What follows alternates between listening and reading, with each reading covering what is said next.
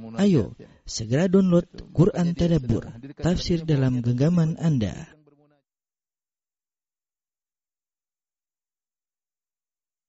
Bismillahirrahmanirrahim. Assalamualaikum warahmatullahi wabarakatuh.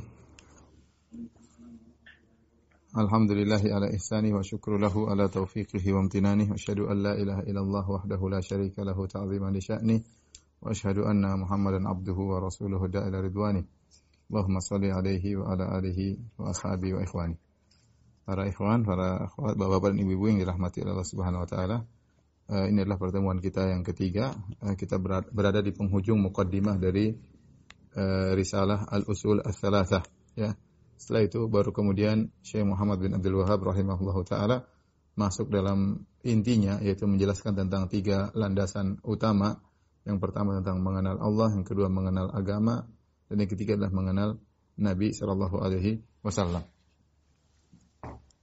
Uh, di sini uh, Syekh Muhammad Wahab berkata, "I'lam arsyadakallahu li taati." Ya, ketahuilah semoga Allah membimbingmu kepada ketaatan kepadanya.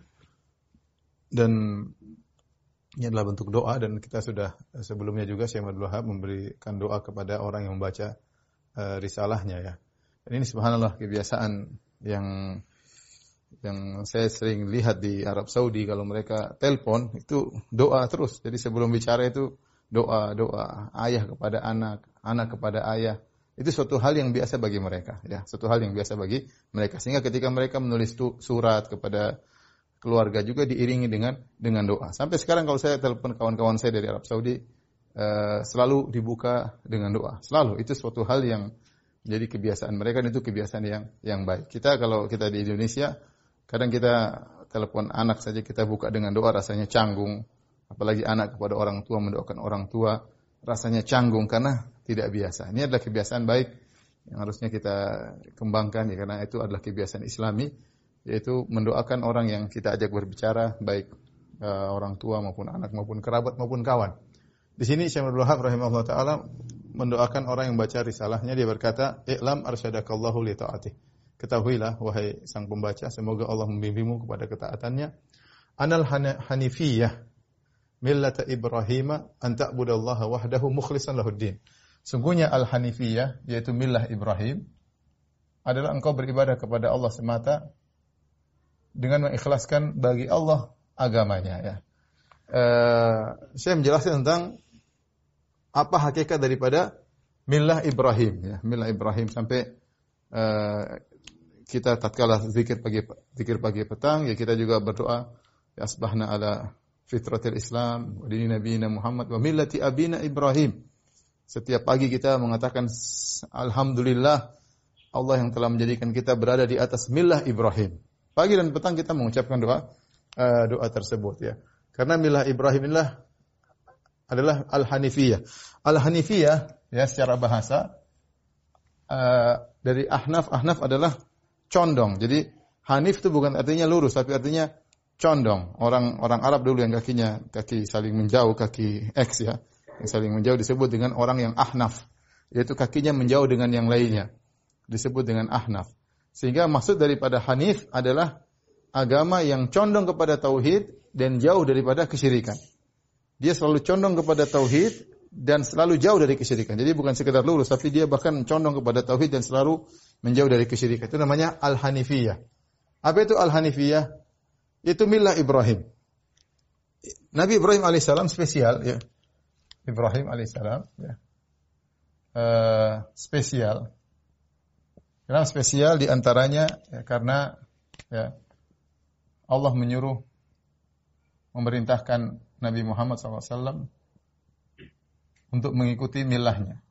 Nabi SAW untuk mengikuti ajarannya.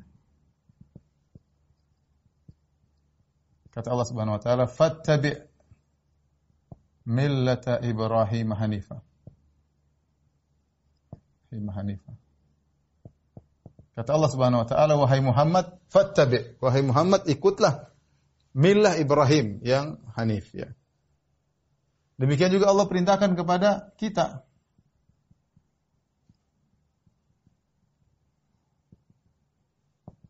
kepada kita ya.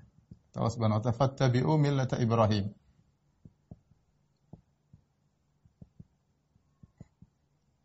Ikutilah kalian kepada kita juga ikutilah kalian milah Ibrahim. Ya, mungkin yang bertanya, ya Ustaz, bukankah Nabi Muhammad SAW lebih afdal daripada Nabi Ibrahim? Benar, memang Nabi Muhammad lebih afdal daripada Ibrahim. Tetapi Ibrahim alaihissalam secara sejarah dia lebih dahulu daripada Nabi Muhammad SAW. Ibrahim, ya, lebih dahulu dari Nabi. Maka Nabi disuruh ikuti. Bahkan Ibrahim adalah kakek Nabi alaihissalam. Kakek Nabi SAW. Karena Nabi SAW adalah keturunan uh, Ismail alaihissalam bin Ibrahim. Ya, semua Quraisy keturunan Ismail bin Ibrahim. Dan Nabi SAW adalah orang Quraisy. Dan Ibrahim alaihissalam di antara kespesialannya dialah ya yang pertama diberi gelar pertama diberi gelar Khalilur Rahman. Kata Allah Subhanahu wa taala, "Wattakhadallahu Ibrahim khalila."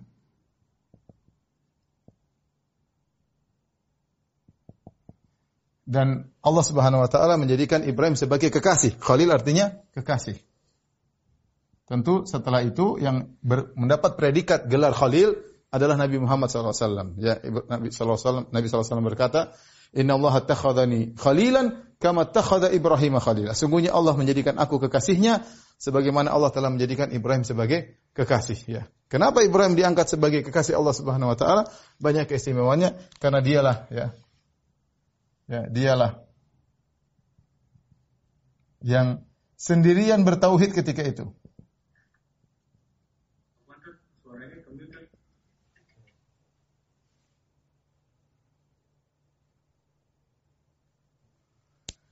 Uh, dialah yang sendirian uh, bertauhid, bertauhid uh, ketika semua orang dalam kondisi musyrik dia bertauhid di negerinya dia sendirian. Dia sendirian. Nanti baru kemudian Nabi Lut beriman kepadanya, fa amana wa amana Lut. Nabi Lut beriman kepada Ibrahim karena Nabi Lut ada hubungan saudara dengan Ibrahim. Kemudian dia menikah dengan Sarah, Sarah bertauhid. Tapi waktu itu dia sendirian di kampungnya, di negerinya. Satu negeri semuanya dia bertauhid sendirian. Dan dia tidak peduli tetap mendakwakan tauhid. Dia ber, ayahnya menentangnya, negeri satu negeri menentangnya dan dia bersendirian tegak dan dia tidak peduli. Itulah Nabi Ibrahim alaihissalam. Dialah yang berdebat berdebat dengan uh, penyembah berhala. Dialah yang menghancurkan berhala dengan tangannya. Cari masalah Nabi Ibrahim. Berhala. Kemudian dialah yang berdebat dengan penyembah benda-benda langit. Penyembah benda-benda langit. Sebagaimana Allah sebutkan dalam surat Al-An'am. Jadi Nabi Ibrahim alaihissalam ini kalau kita boleh katakan bapak tauhid. Dia dialah bapaknya para nabi, tapi dia luar biasa uh, diberi gelar dengan kekasih Allah Subhanahu wa taala karena memperjuangkan tauhid.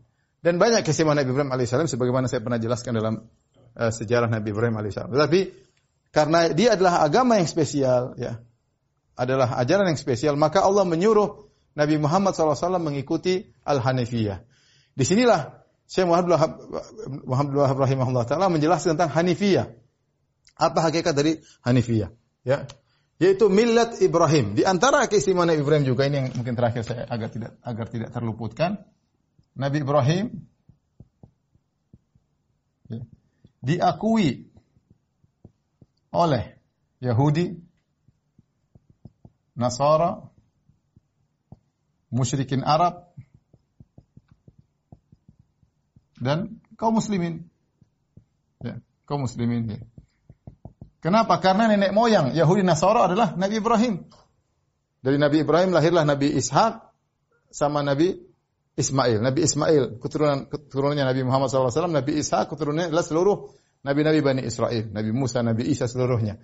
Makanya Yahudi ngaku mereka ngikut Nabi Ibrahim, Nasara ngaku mereka ngikut Ibrahim, musyrikin juga, musyrikin Arab Quraisy. Semua Quraisy keturunan Ibrahim.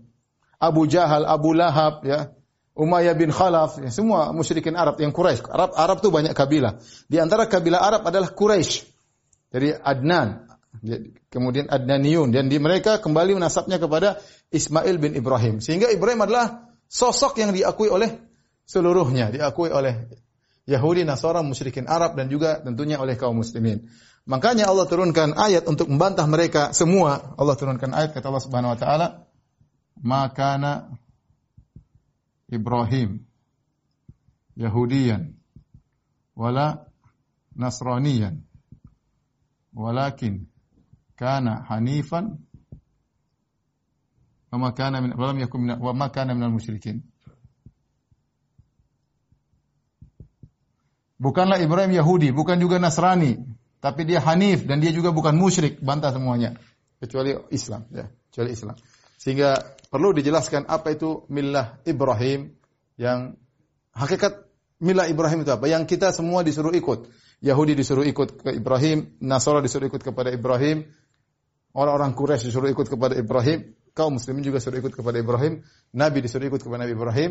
Apa hakikatnya? Hakikatnya adalah anta budallaha wahdahu mukhlishan lahuddin. Inilah hanifiyah. Adalah engkau beribadah kepada Allah semata dengan mengikhlaskan agama baginya. Itulah tauhid, ya. Itulah hakikat daripada ajaran Nabi Ibrahim. Tidak menyembah apa pun, tidak menyembah berhala, tidak menyembah benda-benda langit. Ibrahim alaihissalam mengajarkan bagaimana hanya beribadah kepada Allah semata. Ya, sampai dia harus bertentangan dengan ayahnya, bertentangan dengan negerinya, satu negeri, bahkan harus dibakar oleh Raja Namrud dan dia tidak peduli. Dia harus berhijrah meninggalkan negeri ini ke negeri yang sana dan dia tidak peduli. Yang penting dia menjalankan tauhid. Kemudian kata Syekh Muhammad bin Wahab rahimahullah taala, "Wa bidzalika amara Allahu jami'an nas." Inilah yang Allah perintahkan kepada seluruh manusia, yaitu apa? Tauhid. Ini adalah tauhid. Beribadah kepada Allah saja semata namanya tauhid. Tauhid kalau bahasa, bahasa Indonesia artinya pengesaan. Pengesaan Allah. Ya. Allah telah memerintahkan seluruh manusia untuk bertauhid. Kemudian Allah menciptakan mereka untuk itu. Jadi Allah perintahkan orang-orang untuk bertauhid. Allah ciptakan mereka untuk bertauhid. Apa dalilnya? Apa dalilnya kita diciptakan untuk bertauhid? Dalilnya. Wa ma khalaqtul jinna wal insa illa liya'budun. Tidaklah aku ciptakan jin dan manusia kecuali untuk beribadah kepadaku. Wa makna ya'budun, ini liya'buduni. Apa maknanya? Tidaklah aku ciptakan jin dan manusia kecuali untuk beribadah kepadaku Makna ya'budun ay yuwahidun. Dan makna beribadah kepadaku adalah mentauhid mentauhidkan aku. Ya. Jadi inilah agama uh, Nabi Ibrahim alaihissalam yang kita disuruh untuk mengikuti agama uh, tersebut. Ya. Dan ini diperintahkan jin manusia, seluruh jin dan juga seluruh manusia. Ya. Inilah dua makhluk yang dibebani untuk uh, menjalankan ibadah kepada Allah Subhanahu wa taala. Taib. Selanjutnya Kelanjutan dari penjelasan tentang milah Ibrahim, wa a'dhamu ma amarallahu bihi at-tauhid. Perkara terbesar yang Allah perintahkan adalah tauhid. Perkara terbesar. Dan ini adalah dakwah seluruh para anbiya. Ya, seluruh nabi berdakwah. Ya, contoh Allah Allah Subhanahu wa taala berfirman, "Wa uh, uh, wa laqad arsalna wa laqad ba'atsna fi kulli ummatin rasulan an ibudullaha wa jatanibu tagut." Sungguh kami telah mengutus pada setiap umat seorang rasul yang menyeru sembahlah Allah dan tinggalkanlah tagut. Wa ila adin akhahum huda. Qala ya qaumi ibudullaha ma lakum min ilahin ghairu. Dan kepada kaum Ad kami utus saudara mereka yaitu Nabi Hud yang menyeru kepada kaum Ad. Kaum Ad setelah kaum Nabi Nuh. Qala ya qaumi ibudullaha ma lakum min ilahin ghairu. Wahai kaumku sembahlah Allah semata, tidak ada sesembahan selain Allah Subhanahu wa taala ya. Nabi Nuh alaihissalam juga menyeru kepada kaumnya kepada untuk tauhid. Makanya kaumnya mengatakan la tadharuna waddan wala suwa'an wala yaghutha wa ya'uqa wa nasra. Sekali-sekali kalian jangan ikut dengar perkataan Nuh, jangan tinggalkan persembahan kepada Wat, Suwa, Yaguth, Ya'uq, Nasr. Ini lima nama berhala. Jangan tinggalkan penyembahan terhadap berhala tersebut. Kenapa? Karena Nabi Nuh menyuruh mereka untuk meninggalkan segala bentuk kesyirikan. Kaum Samud juga demikian. Wa ila Samud akhahum salihan. Qala ya qaumi ibudullaha ma lakum min ilahin ghairuh. Kepada kaum Samud kami utus saudara mereka Nabi Saleh yang menyeru agar menyembah Allah semata dan jangan berbuat kesyirikan. Semua nabi seperti itu. Nabi Musa, Nabi Isa, semuanya. Oleh karenanya, perintah yang paling besar yang Allah perintahkan adalah tauhid. Ya. Dan ini tujuan kita diciptakan. Tujuan kita diciptakan untuk bertauhid. Seorang yang mengerti akan hal ini, bosnya kita diciptakan untuk tauhid, maka tauhid senantiasa berada dalam benaknya. Dia mengaplikasikan dalam kehidupan sehari-harinya. Saya ke sana kenapa? Karena Allah atau bukan. Saya senyum kepada orang tua karena Allah atau bukan. Saya bekerja karena Allah atau bukan. Saya mengurus anak istri karena Allah atau bukan. Semua gerak-geriknya dia tahu karena dia diciptakan untuk bertauhid kepada Allah.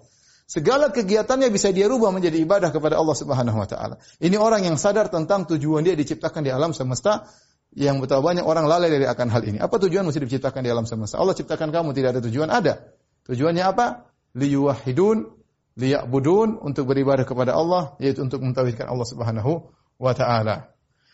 Wa huwa bil ibadah. Oleh karenanya seharusnya uh, konsentrasi dakwah para dai, ya para dai silakan berdakwah dengan berbagai model dakwah mereka. Ada yang berdakwah tentang akhlak, ada yang berdakwah tentang sirah, ada yang berdakwah tentang ekonomi, ada yang berdakwah tentang macam-macam terserah, tetapi dia harus fokus. Jangan lupa bahwasanya substansi dari segala dakwah mereka adalah untuk mentauhidkan Allah Subhanahu wa taala. Karena itulah tujuan utama Allah menciptakan manusia. Itulah tujuan utama Allah mengutus para rasul. Itulah tujuan utama kita berdakwah melanjutkan perjuangan para rasul. Apa pun yang kita dakwahkan, substansi utamanya adalah bagaimana agar Allah diesakan. Apa itu tauhid? Kemudian inilah definisi tauhid definisi tauhid pengesaan ifradullahu ifradullahi bil ibadah yaitu mengesahkan Allah dalam peribadatan. Artinya semua ibadah hanya untuk Allah. Ibadah hanya untuk Allah. Inilah definisi daripada tauhid. Kemudian sebaliknya wa a'dhamu ma anhu asyirku perkara yang terbesar yang Allah larang adalah kesyirikan. Lawan daripada tauhid adalah kesyirikan, asyirku, ya. Karena dia dosa yang paling besar. Apa definisi daripada kesyirikan? Jelas, wa huwa da'watu ghairihi ma'ahu. Definisi kesyirikan. Ini penting.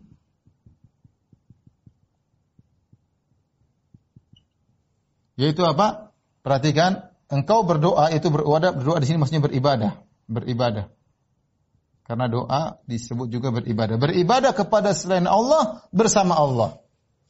Itulah yang disebut dengan syirik. Ini sudah sering saya sampaikan dalam kajian-kajian saya.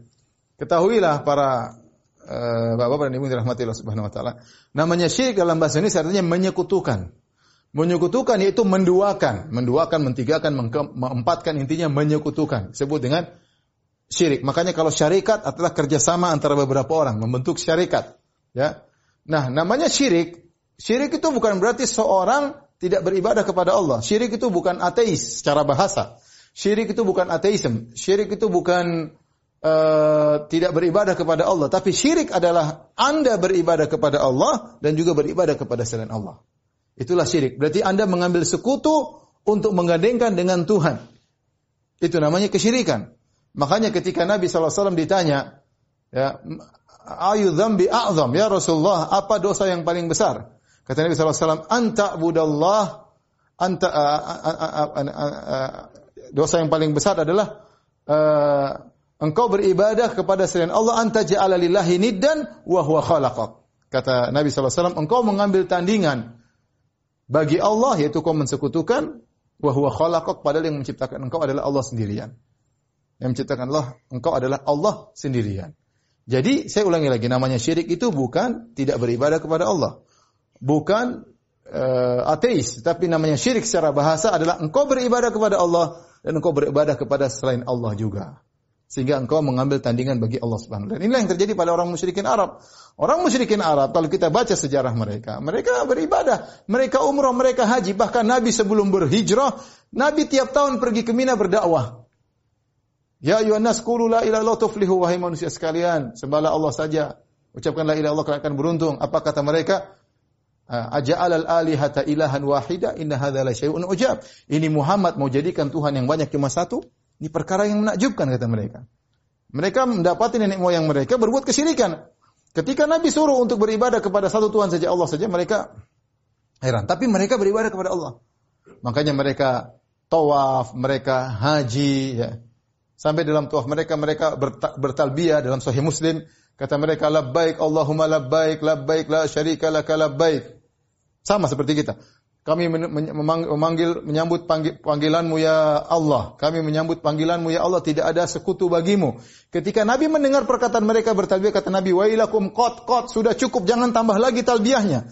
Ternyata mereka tambah, kata mereka, illa syarikan huwalak, tamliku huwa malak. Kecuali sekutu yang milikmu, yang kau izinkan, ya, yang kau menguasainya dan dia tidak memiliki apa-apa. Jadi mereka mengatakan, Ya Allah, kami penuhi panggilanmu untuk umrah, untuk haji. Ya Allah, tidak ada sekutu bagimu, kecuali sekutu yang kau izinkan, yang kau miliki, ini tidak memiliki apa-apa. Ya. Mereka pun dalam ucapan tersebut, mereka mengakui bahwasanya sekutu ini hanya izin dari Allah, dia tidak menguasai apa-apa.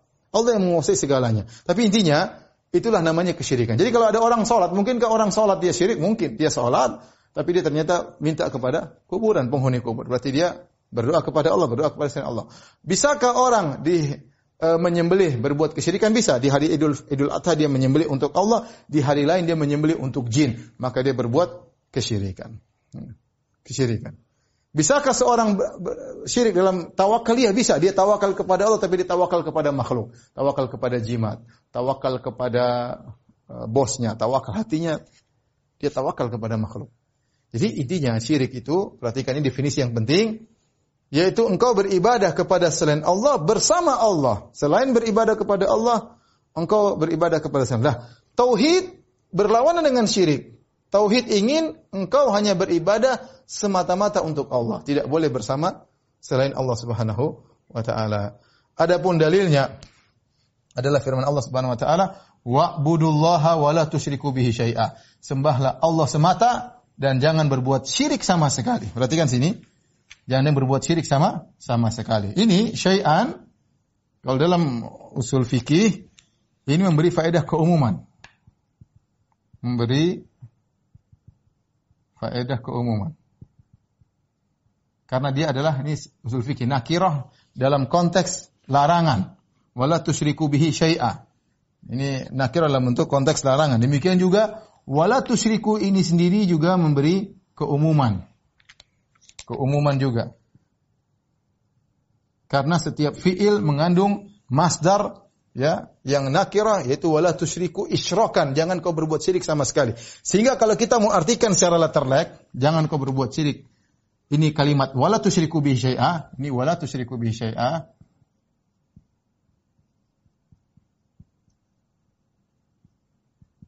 Kalau kita mau terjemahkan secara sederhana dalam bahasa Indonesia artinya dan janganlah. Kalian ya menyekutukan Allah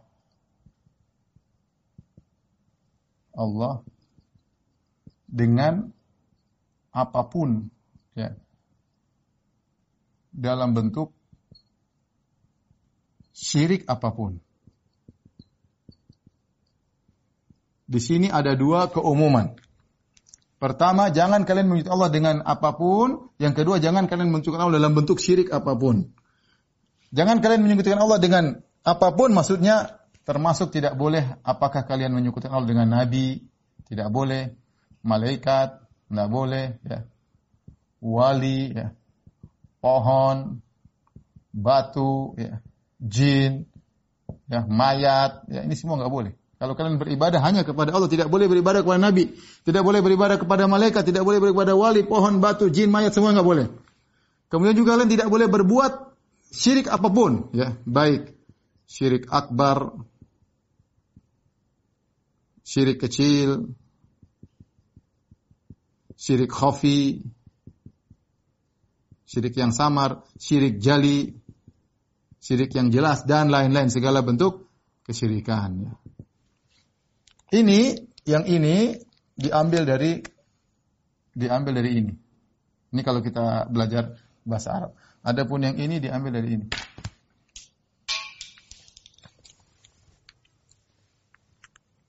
Adapun yang ini ya diambil dari ini.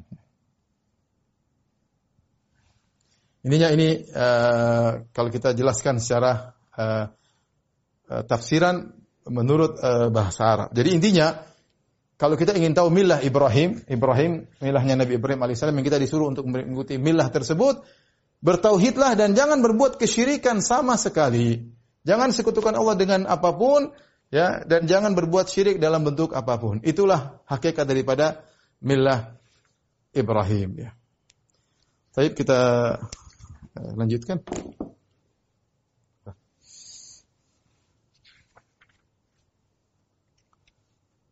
Baik, uh, Bapak Ibu yang rahmatillah subhanahu wa ta'ala, kita lanjutkan ya. Sekarang baru kita masuk pada inti ya.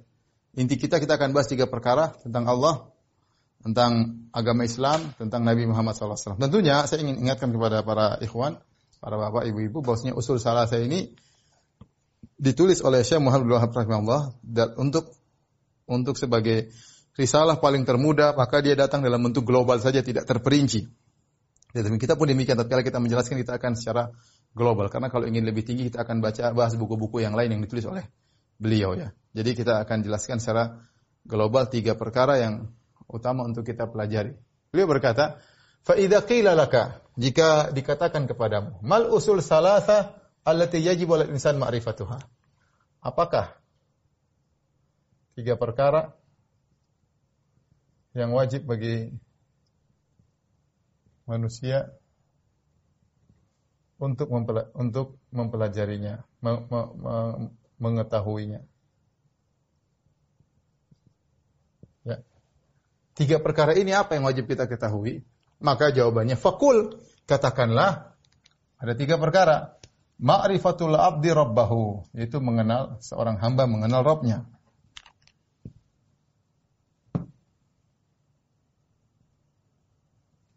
hamba mengenal Robnya. Ini yang pertama. Yang kedua, wadinahu, agamanya. Mengenal agamanya.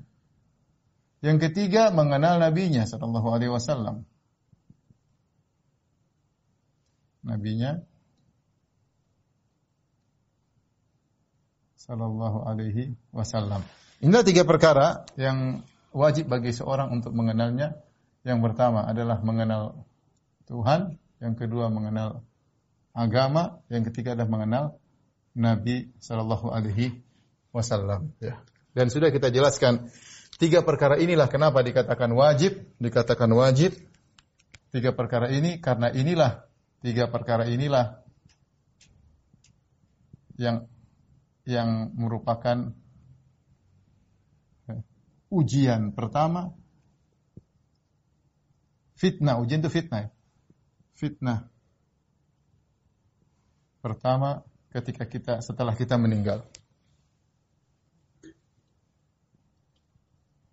Setelah kita meninggal. Ya. Yaitu di kuburan. Yang disebut dengan fitnatul qabr. Yang disebut dengan fitnatul qabr fitnah kubur. Karena malaikat mungkar dan nakir ketika kita meninggal yang ditanya tiga perkara ini. Mar rabbuk, siapa Tuhanmu? Wa ma apa agamamu? Wa man nabiyuk, siapa Tuhanmu? Ini tiga pertama. Siapa yang bisa menjawab tiga pertanyaan ini maka setelahnya lebih mudah. Ya, makanya Nabi pernah berkata al-qabr ya awalu awalu manazilil akhirah adalah apa namanya? Uh, tahapan pertama dari akhirat ya terminal pertama dari akhirat kuburan. Siapa yang selamat di kuburan, terminal-terminal berikutnya dia lebih selamat. Siapa stasiun pertama tidak selamat yang selanjutnya lebih lebih parah. Nah, ujian pertama kita ditanya oleh malaikat mungkar dan nakir tiga pertanyaan disebut dengan fitnatul qabr. Ya. Kalau kita bisa jawab ini, siapa agamamu Allah, siapa Tuhanmu Allah, siapa agama apa agama Islam, siapa Nabi Muhammad SAW, maka kita akan setelah itu lebih mudah uh, kita untuk menghadapinya. Namun sudah saya ingatkan bahwasanya ini ini hanya bisa dijawab dijawab dengan iman. Iman, ya. Bukan ilmu dan wawasan semata. Wawasan semata. Seorang yang dia sehari-harinya selalu di benaknya Allah agama, nabi, itu yang bisa menjawab. Makanya kenapa saya katakan tidak bisa dijawab dengan ilmu dan wawasan semata? Karena buktinya orang munafik tidak bisa jawab. Buktinya dalam hadis disebutkan orang munafik apalagi kafir tidak bisa jawab. Padahal kita tahu orang munafik tahu betul siapa Nabi SAW. Kata dalam hadis kata Nabi, ammal munafik. Adapun orang munafik ketika ditanya, Man dzal ladzi ursila ilaikum? Siapakah orang yang diutus kepada kalian? Maka dia berkata, Ha ha sami'tu nas yaqulun faqultuhu. Oh, dia berusaha, berusaha ingat. Aku dengar orang-orang bilang, aku ikut-ikutan. Tapi dia nggak bisa bilang Muhammad sallallahu alaihi wasallam, nggak bisa. Padahal orang munafik kalau kita baca biografi orang munafik di zaman Nabi, mereka apa? Mereka KTP-nya Islam. Mereka sholat bersama Nabi di Masjid Nabawi. Mereka dengar ceramah Nabi Shallallahu Alaihi Wasallam. Mereka tahu Nabi nasabnya. Mereka ngerti betul. Abdullah bin Ubay bin Salul tahu betul siapa Nabi Shallallahu Alaihi Wasallam. Bahkan dalam beberapa peperangan orang munafik pada ikut bersama Nabi Shallallahu Alaihi Wasallam. Dengar ceramah Nabi. Siapa bilang mereka tidak tahu Nabi? Mereka tahu Nabi benar-benar tahu.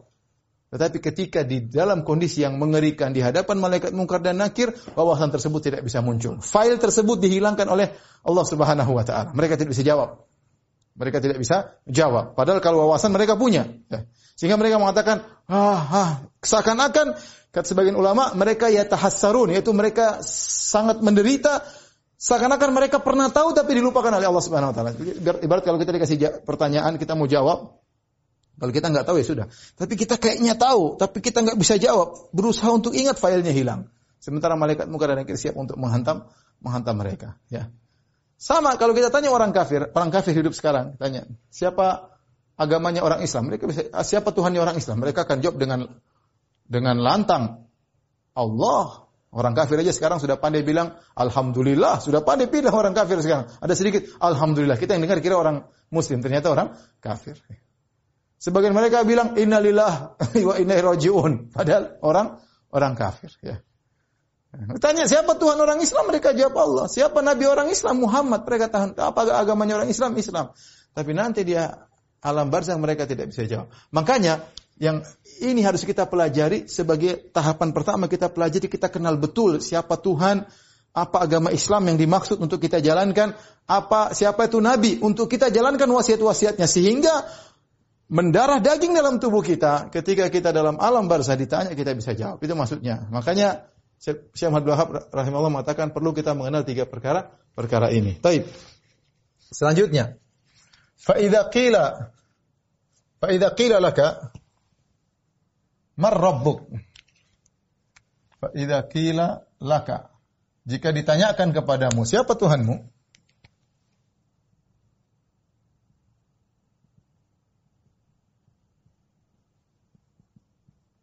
Siapa Tuhanmu?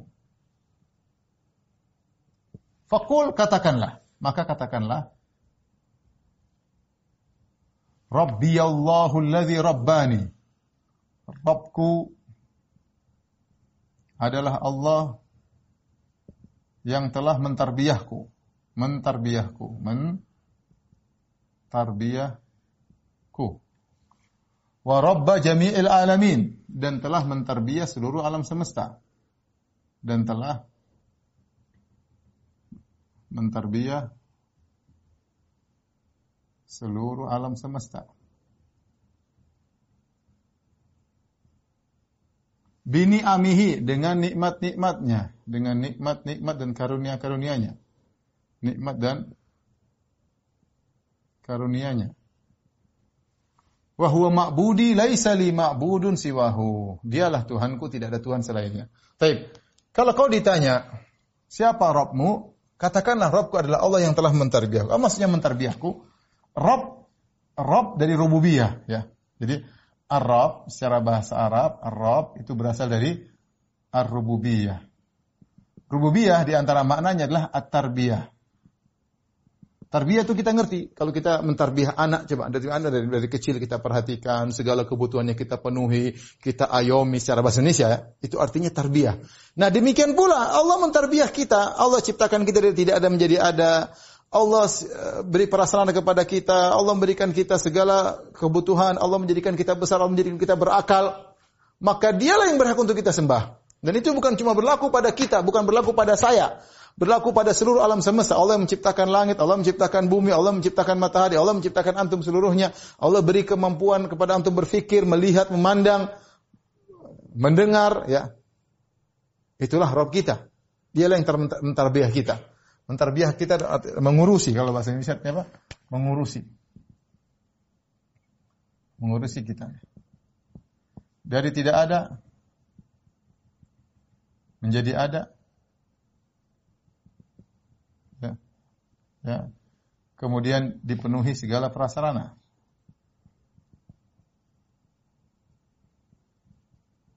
Dan lain-lainnya. Ya, ini namanya Rob. Ialah Rob. Ya. Kalau uh, kita artikan secara bahasa Arab, para ulama menjelaskan Rob itu sifat rububiyah Allah kembali kepada tiga perkara. Sifat rububiyah kembali kepada tiga yaitu yang menciptakan. Karena dia yang menciptakan dia yang menguasai memiliki menguasai.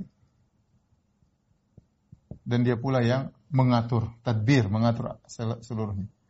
Mengatur seluruh alam. Maka dia adalah Robku dan Rob seluruh alam semesta, bini amihi. Dan dia mentarbiah kita dengan nikmat-nikmat dan karunia-Nya. Karena Allah yang menciptakan aku dan menciptakan seluruh alam semesta, al-alamin maksudnya seluruh alam semesta baik selain Allah semuanya disebut alam. Hewan, manusia, tumbuhan, jin, malaikat semua disebut alam. Karena Allah yang telah menciptakan alam semesta dan mengurusi alam semesta seluruhnya wahwa ma'budi, maka dialah sembahanku. Dialah sesembahanku dialah sesembahanku. Laisa li ma'budun siwahu, tidak ada sesembahan lain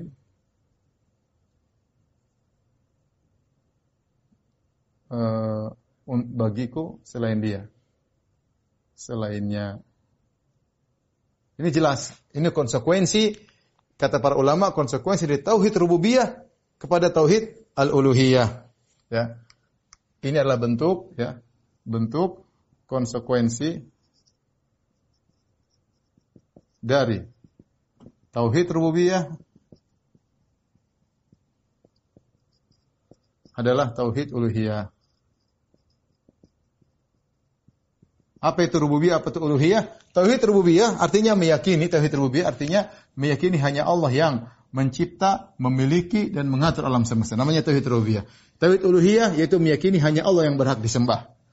Tauhid rububiyah karena kita meyakini hanya Allah yang menciptakan, hanya Allah yang menguasai, hanya Allah mengatur alam semesta, maka konsekuensikan kita harus mentauhidkan uluhiyah itu hanya Allah yang kita sembah. Hanya Allah yang kita sembah. Ini perkara yang sangat logis, perkara yang sangat logis. Kalau yang mengandung kita ibu kita, yang membeli, beli, uh, mengandung kita ibu kita, yang menyusui kita ibu kita, yang semuanya ibu kita, Kemudian kita bagaimana kita berbakti kepada ibu yang lain? Hanya ibu kita kita yang berbakti karena dia yang mengandung kita. Ya. Ya dia, gampangnya, kalau ada seorang wanita kita yang ngelamar, kita yang kasih semuanya kebutuhan yang kita biayai dia ke salon, kita kasih makan dia semua, ternyata dia melayani suami yang lain kurang ajar namanya. Ya. Allah Subhanahu wa taala yang menciptakan kita semuanya, memberikan kita segalanya, maka dia satu-satunya yang berhak untuk disembah. Kalau ada yang ikut-ikutan menciptakan kita, silakan kita sembah dia juga. Kalau ternyata wali-wali sunan-sunan, Nabi Isa, Nabi Muhammad ikut menciptakan kita, kita sembah itu nabi-nabi. Kalau malaikat Jibril ikut menciptakan kita, ikut menciptakan alam semesta, ikut menciptakan oksigen, ikut menciptakan matahari, kita sembah itu malaikat. Tapi tidak ada satupun yang ikut serta dalam dalam hal rububiyah Allah. Yang menciptakan Allah sendiri, yang menguasai Allah sendiri, yang mengatur alam semesta Allah sendiri. Terus yang lainnya diatur, diciptakan. Apakah berhak untuk kita sembah? Tidak boleh sama sekali. Ini semua logis.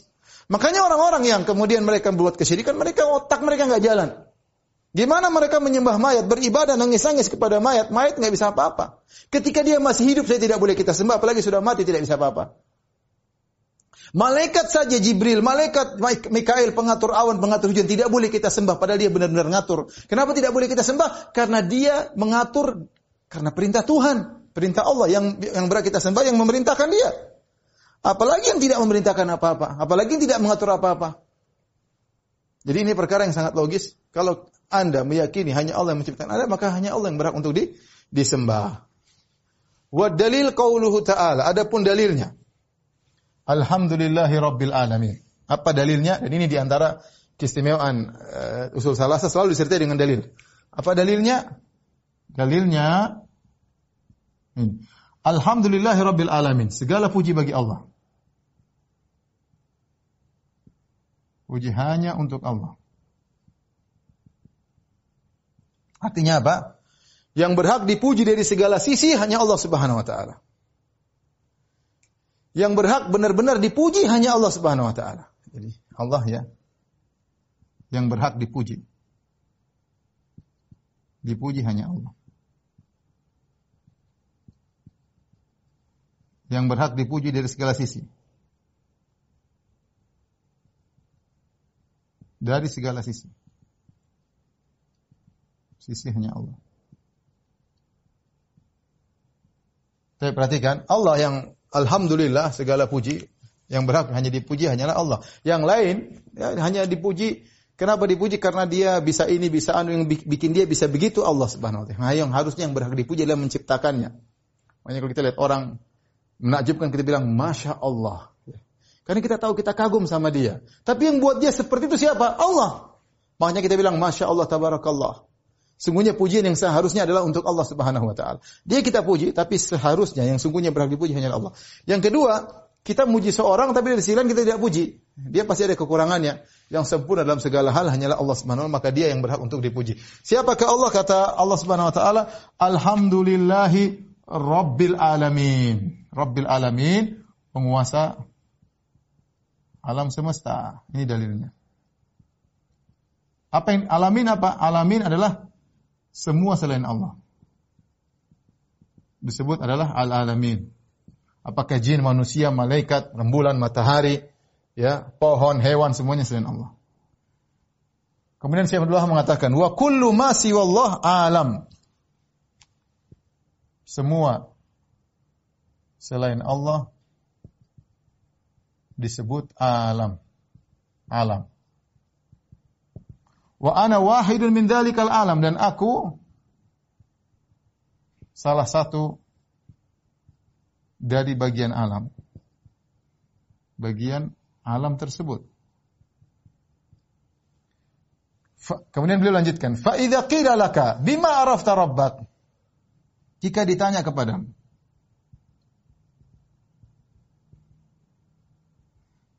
dengan apa kau mengenal Tuhanmu?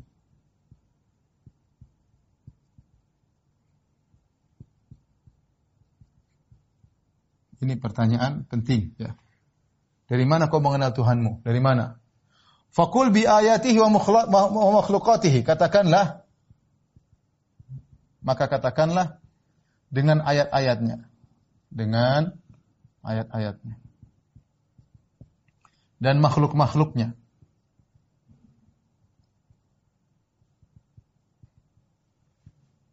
Wa min ayatihi lailu wan naharu wa syamsu wal qamaru di antara ayat-ayatnya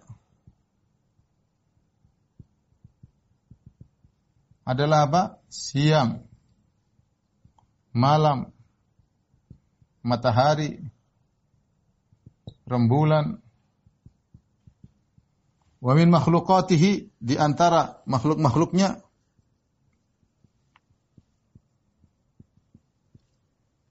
makhluk-makhluknya adalah Langit yang tujuh, tujuh langit, tujuh lapisan langit. Bumi yang tujuh, tujuh lapisan. Apa yang ada di antara keduanya? Di antara keduanya. Tapi di sini Syekh Lahab rahimahullah taala mulai masuk dalam pembahasan penjelasan tentang Rabb Pertanyaan, bima arafta rabbak? Dari mana kau mengenal Rabbmu?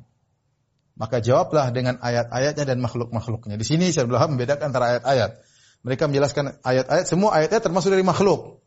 Tapi ayat-ayat adalah makhluk yang spesial. Seperti malam, siang, matahari, rembulan. Yang kita melihat secara langsung menunjukkan adanya Tuhan. Ini mungkin maksud dari Syekh Abdul Wahab. Adapun makhluk yang biasa, makhluk bumi, langit dan apa yang di antara keduanya semuanya adalah termasuk makhluk. Ini makhluk spesial ayat-ayat Allah Subhanahu wa taala, ya. Dengan melihat ayat-ayat dan makhluk-makhluknya maka kita tahu adanya Tuhan ya, adanya Tuhan. Uh, saya ingin menjelaskan tentang tanda-tanda ya adanya Tuhan tapi sepertinya waktunya tidak pas. Mungkin kita lanjutkan nanti pekan uh, apa sebulan lagi ya. Kita lanjutkan uh, tentang karena itu pembahasan sangat penting. Bagaimana Anda mengenal Tuhan Anda dengan dengan melihat alam semesta ya. Uh, kemudian uh, apalagi yang berkaitan dengan masalah ma'rifatullah insyaallah kita lanjutkan pada pertemuan berikutnya. Demikian wabillahi taufik wal hidayah. Assalamualaikum warahmatullahi wabarakatuh.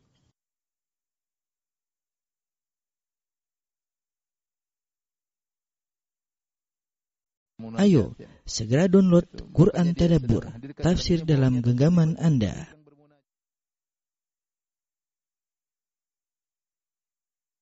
Bismillahirrahmanirrahim. Assalamualaikum warahmatullahi wabarakatuh. Alhamdulillahi ala ihsanih wa syukru lahu ala taufiqihi wa amtinanih. Asyhadu an la ilaha illallah wahdahu la syarika lahu ta'ziman sya'nih. Wa asyhadu anna Muhammadan abduhu wa rasuluhu da'ila ridwanih. Allahumma salli alaihi wa ala alihi wa ashabihi wa ikhwani para ikhwan dan akhwat, para ikhwan-ikhwan di uh, pelabuhan uh, Majelis Taklim Pelabuhan Mengaji yang dirahmati Allah Subhanahu wa taala. Kita lanjutkan bahasan kita tentang al-usul as-salasah, tiga landasan utama dan kita sudah masuk pada uh, tiga landasan pokok tersebut ya. Tiga pokok tersebut yang pertama adalah uh, mengenal Allah Subhanahu wa taala, ma'rifatullah atau ma'rifatul Rabb. Yang kedua adalah ma'rifatud din, apa itu agama? Dan yang ketiga adalah ma'rifatu ar-rasul. Apa itu Rasulullah? Siapa itu Rasulullah? Dan sudah uh, kita sampaikan bahwasanya tiga pertanyaan inilah yang akan ditanya pada alam barzah di alam barzah. Jadi ujian pertama yang dialami oleh seorang setelah meninggalkan kehidupan dunia ini adalah uh, tiga pertanyaan disampaikan oleh malaikat mungkar dan nakir. Marrabbuk, madinuk, wa nabiyuk. Apa uh, siapa Tuhanmu, apa agamamu dan uh, siapa nabimu. Eh, Syekh Muhammad bin Abdul Wahab rahimahullah taala menyebutkan al-aslul awal yaitu tentang pokok yang pertama tentang Allah Subhanahu wa taala tentang Rabb. Ya, beliau telah uh, menyebutkan sebagaimana telah kita sampaikan pada pertemuan sebelumnya, ya. Jika ditanyakan kepada engkau, ya, "Mar rabbuk?" Siapa Tuhanmu? Maka katakanlah, "Rabbku adalah Allah yang telah menciptakanku dan telah mengatur seluruh alam semesta dengan nikmat-nikmatnya." Wa huwa ma'budi laisa li ma'budun siwahu dan dia adalah sesembahanku dan tidak ada sembahan selainku. Adapun dalilnya firman Allah Subhanahu wa taala alhamdulillah rabbil alamin. Segala puji bagi Allah rabbil alamin, penguasa alam semesta. Wa kullu ma siwallahi alam dan seluruh selain Allah adalah makhluk, tentunya tidak boleh disembah. Wa ana wahidun min dzalikal alam dan aku adalah salah satu daripada alam tersebut. Rabbul alamin Allah Tuhannya seluruh alam semesta dan aku salah satu dari alam tersebut. Karena namanya alam itu semua selain Allah disebut dengan alam, disebut dengan makhluk. Fa idza qila laka jika ditanyakan kepadamu bima arafta rabbak dari mana kau mengenal Rabbmu? Faqul bi ayatihi wa makhluqatihi. Katakanlah dengan tanda-tandanya, kebesaran-kebesaran Allah dan makhluk-makhluknya. Kita mengenal Tuhan dari tanda-tandanya, ya, dari uh, makhluk-makhluknya, Wa min ayatihi al-lailu wan Di antara bukti-bukti ayat-ayat maksudnya bukti-bukti keesaan Tuhan di antara tanda-tandanya atau bukti-bukti kekuasaan adanya Allah al-lailu wan nahar wa syamsu wal qamar yaitu adanya malam hari, siang hari, kemudian uh, matahari dan rembulan. Wa min makhluqatihi dan di antara makhluk-makhluknya yaitu samawatu sab'a yaitu langit yang tujuh wal arduna sab'a bumi yang tujuh wa man fihin dan apa yang ada di antara keduanya ya wa ma yang, yang apa yang ada di atas muka bumi wa ma bainahuma dan apa yang di antara langit e, dan bumi. Wa dalil dalilnya adalah firman Allah Subhanahu wa taala wa min ayatihi lailu wan naharu wasyamsu wal qamar la tasjud lisyamsi wala lil qamar. Di antara tanda-tanda bukti adanya Tuhan adanya malam dan siang hari, matahari dan rembulan. Janganlah kalian sujud kepada matahari dan rembulan, wasjudu lillahi alladzi khalaqahunna in kuntum iyyahu ta'budun. Sujudlah kepada Allah yang telah menciptakan itu seluruhnya jika kalian benar-benar beribadah kepadanya. Wa qauluhu di antara dalil bahwasanya semua ini diatur oleh adanya pencipta. Firman Allah, "Inna rabbakumullahu alladzi khalaqas samawati wal arda fi sittati ayyam." Sungguhnya Rabbmu lah yang telah menciptakan langit dan bumi ya dalam waktu enam masa. Tsumma stawa 'alal arsy. Kemudian Rabb beristiwa di atas arsy. Yughshil laila an-nahara yatlubu hathitha. Di mana Allah uh, menutup malam dengan siang ya kemudian diikuti dengan cepat ya. Begitu siang pergi datang malam. Begitu malam pergi datang siang. Wasyamsa wal qamara wan nujumu musakhkharatin bi amri matahari rembulan bintang-bintang semuanya diatur dengan perintah Allah Subhanahu wa taala. Alalahul khalq wal amru. Ketahuilah bahwasanya bagilah bagi Allah pencipt, segala makh penciptaan dan segala perintah. Tabarakallahu rabbul alamin. Maha suci Allah penguasa alam semesta ini. Ini ayat-ayat yang disebutkan oleh Syekh Muhammad bin Wahab ini kalau kita mau jelaskan secara panjang lebar uh, adalah ayat-ayat yang menunjukkan adanya Tuhan dan ini sudah saya pernah bahas panjang lebar tentang tentang dalil-dalil adanya Tuhan dan bantahan terhadap orang-orang ateis ya. ya bisa kawan-kawan uh, melihat di YouTube ya tentang pembahasan ini bahwasanya alam semesta ini menunjukkan adanya Tuhan. Salah satunya bahwasanya matahari, rembulan, bintang-bintang semuanya teratur. Mereka tidak terjadi dengan sendirinya. Di antara buktinya mereka tidak terjadi dengan sendirinya, mereka diatur. Makanya kita bisa mengerti adanya tanggalan, adanya jadwal gerhana matahari, gerhana bulan, uh, kemudian perubahan jadwal perubahan uh, musim misalnya. Kenapa? Karena matahari dan rembulan mereka punya sistem peredaran yang teratur, tidak berubah. Ya, tidak berubah, teratur. Dan ini menunjukkan ada yang mengatur ya. Kalau mereka ternyata bukan makhluk tentunya, kalau ternyata matahari Tuhan, kalau ternyata rembulan Tuhan tentu dia bisa memiliki kehendak, tapi dia tidak berkehendak. Dia dikehendaki, dia di diatur, ya, dia diatur. Ya, e, tidak pernah keluar dari e, orbitnya. Wa kullun fi falakin yasbahun, masing-masing matahari, rembulan berjalan di atas orbitnya. Ketika menunjukkan ini semua diatur, ya, berarti menunjukkan ada yang mengaturnya, yaitu Tuhan pencipta alam semesta. Logika sederhana yang pernah saya, sering saya sampaikan, ketika ada seorang atau sekelompok orang ateis berdialog dengan Imam Abu Hanifah rahimahullah taala tentang adanya Tuhan atau tidak, maka Imam Abu Hanifah berkata, coba kau renungkan, kalian renungkan tentang ada sebuah kapal uh, yang bersandar di Sungai Dujlah, di Sungai Dujlah, kemudian barang-barang dari kapal tersebut turun sendiri, ya, tanpa ada awak kapal, anak buah kapal tidak ada, tidak ada ABK-nya. Kemudian setelah itu diangkut barang-barang yang baru, tanpa ada nahkoda, tanpa ada awak kapalnya. Setelah itu kapal tersebut berlabuh ke tujuan berikutnya, pelabuhan berikutnya, tanpa ada nahkoda. Ya. Apakah bisa berjalan dengan sendirinya? Kata mereka nggak mungkin. Nggak mungkin. Semua orang tidak ada yang menyatakan nggak mungkin jalan sendiri. Apalagi kawan-kawan orang pelabuhan tentu tahu nggak mungkin kapal jalan sendiri. Maka Imam Abu Hanifah mengatakan kalau kapal saja tidak bisa jalan dengan sendirinya, bagaimana dengan alam semesta yang teratur dengan aturannya? Bintang pada orbitnya, rembulan pada orbitnya, matahari pada orbitnya. Apakah yang terjalan, berjalan dengan sendirinya? Ini salah satu dalil dari sekian banyak dalil yang menunjukkan Tuhan itu ada. Tapi saya katakan saya tidak ingin menyampaikan panjang lebar karena ini sudah saya jelaskan dalam sebuah kajian judulnya dalil-dalil tentang adanya Tuhan. Ini sangat penting untuk membantu orang-orang ateis dan juga untuk menghilangkan keraguan kalau memang masih ada dalam hati kita. Kita fokuskan pada pertemuan kali ini tentang bahwasanya Tuhan yang menciptakan alam semesta. Bukan hanya sekedar menciptakan, mengatur ya eh, segala perintahnya yang berlaku secara hukum, secara seluruh hukum yang berlaku adalah hukumnya, aturan yang berlaku adalah aturannya, ya. Maka Tuhan inilah yang uh, berhak disembah. Karena dia bersendirian menciptakan. Dialah Allah bersendirian mengatur alam semesta, maka dia pula yang berhak untuk disembah. Karena itu setelah itu Syekh Muhammad bin Wahab rahimahullah berkata, "War Rabbu huwal ma'bud." Dan Ar-Rabb pengatur alam semesta ini, pemilik alam semesta ini, pencipta alam semesta ini, dialah yang berhak disembah. Al-Ma'bud maksudnya dialah yang satu-satunya yang berhak disembah. Wa dalil adapun dalilnya, qauluhu ta'ala, firman Allah Subhanahu wa taala, "Ya ayuhan nasu, ubudu rabbakumul ladzi khalaqakum Walladzina min qablikum la'allakum tattaqun. Wahai manusia sekalian, sembahlah Rabb kalian yang telah menciptakan kalian. Ya Allah yang ciptakan kalian, maka Allah yang disembah. Seandainya ada zat lain bersama Allah menciptakan kalian, sembah pula zat tersebut. Ternyata Allah kerjasama dengan dua zat lain. Ada tiga Tuhan menciptakan kamu, maka kau punya hak untuk menyembah tiga Tuhan tersebut. Dan tiga Tuhan tersebut berhak untuk disembah. Tetapi ternyata yang menciptakan engkau adalah Tuhan sendiri. Allah subhanahu wa ta'ala sendirian. Tidak ada yang berserta Allah dalam menciptakanmu. Maka Allah ingatkan, Ya ayuhan nasu budu rabbakumul ladhi khalaqakum. Wahai manusia sekalian, sembahlah Rabb kalian yang menciptakan kalian.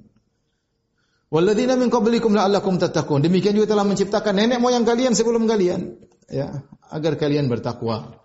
Alladzi ja'ala lakumul arda firasha. Bukan cuma menciptakan kalian. Bukan cuma menciptakan orang tua kalian, belum bukan cuma menciptakan manusia-manusia sebelum kalian, tapi juga menciptakan sarana dan prasarana bagi kalian. Alladzi ja'ala lakumul arda firasha. Yang dia telah menciptakan bumi sebelum Adam diturunkan di atas muka bumi, Allah sudah ciptakan bumi. Firashan yang terhampar, yang mudah uh, diting, ditinggali ya. Allah eh, bukan sekedar bumi, Allah isi dengan berbagai macam keindahan, dengan sungai yang mengalir, dengan laut ya, dengan oksigen yang Allah siapkan, uh, dengan pohon yang indah-indah, yang semuanya adalah untuk sesuai dengan prasarana manusia.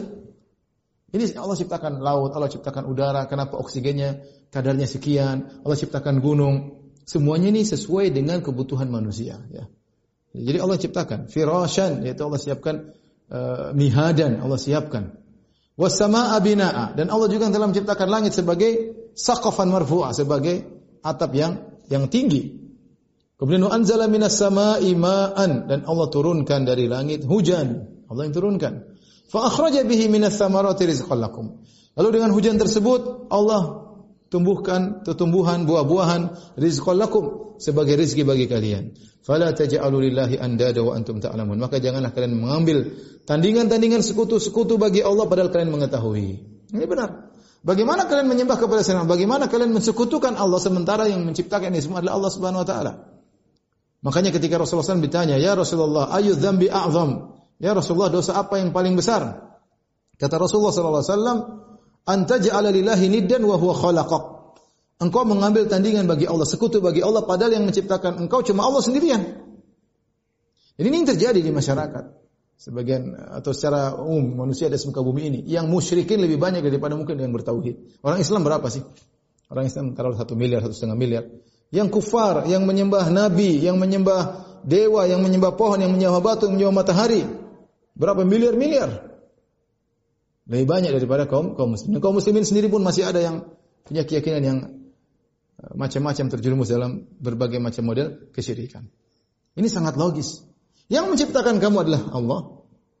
Yang menciptakan prasarana dan sarana bagimu adalah Allah. Lantas kau beribadah kepada selain Allah.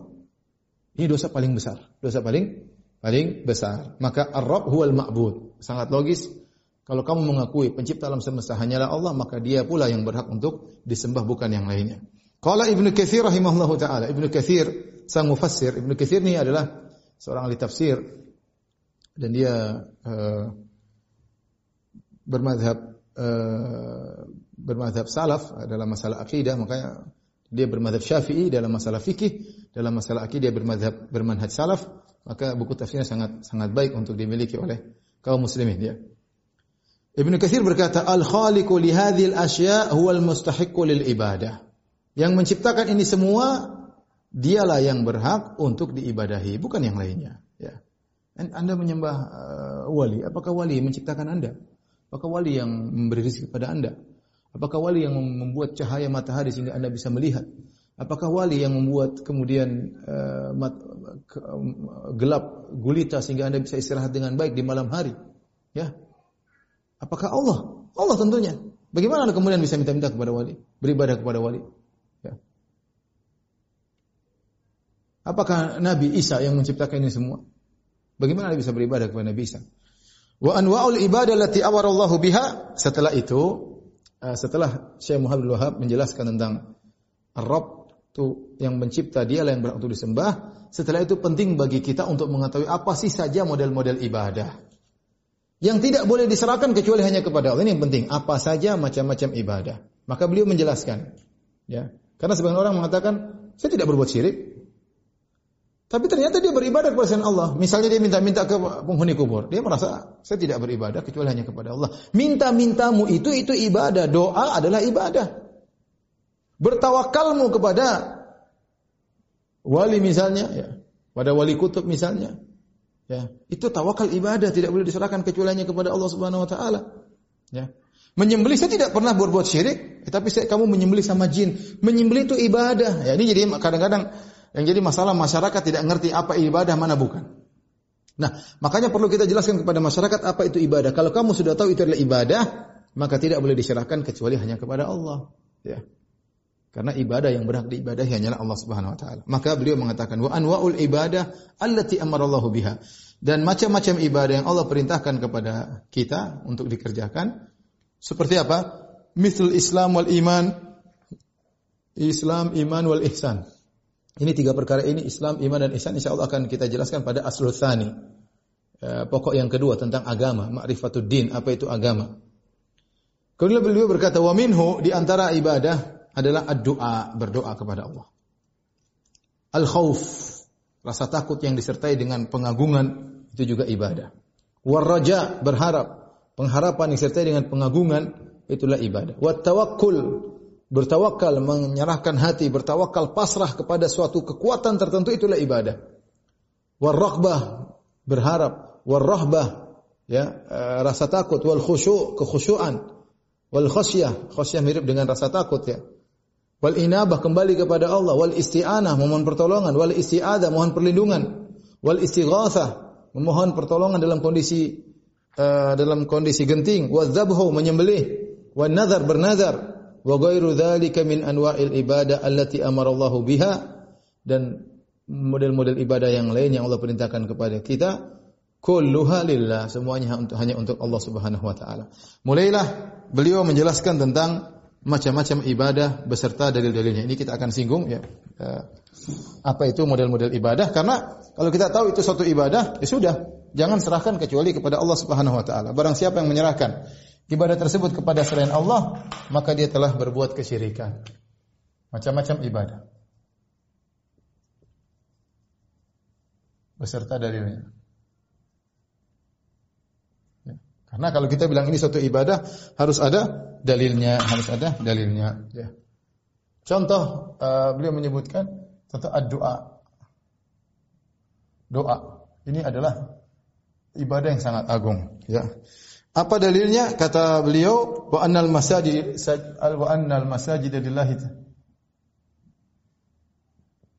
wa annal masajid lillah fala tad'u ma'allahi ahada.